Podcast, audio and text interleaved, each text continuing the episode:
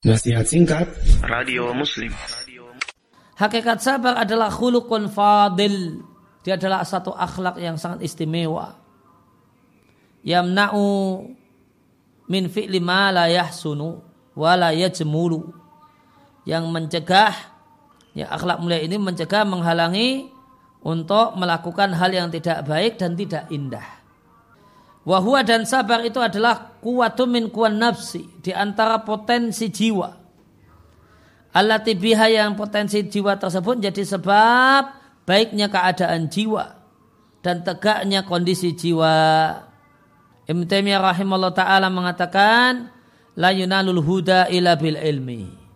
Petunjuk tidaklah didapatkan tanpa ilmu.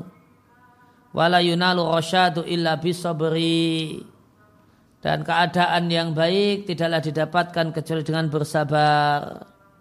Wa bisabri wal yakini dengan sabar dan yakin. Yakin itu sama dengan ilmu. Buah dari ilmu adalah yakin. Yang keduanya adalah akar dari tawakal. Dasar pondasi tawakal itu dua kata. Di sini disampaikan demikian. Orang itu akan bisa betul-betul tawakal kepada Allah manakala yakin dengan janji Allah kemudian bersabar dengan kesulitan-kesulitannya. Maka dengan dua ini sabar dan yakin tunalul imamatu fiddin seorang itu akan jadi imam dalam agama. Akan jadi teladan bagi orang-orang yang saleh.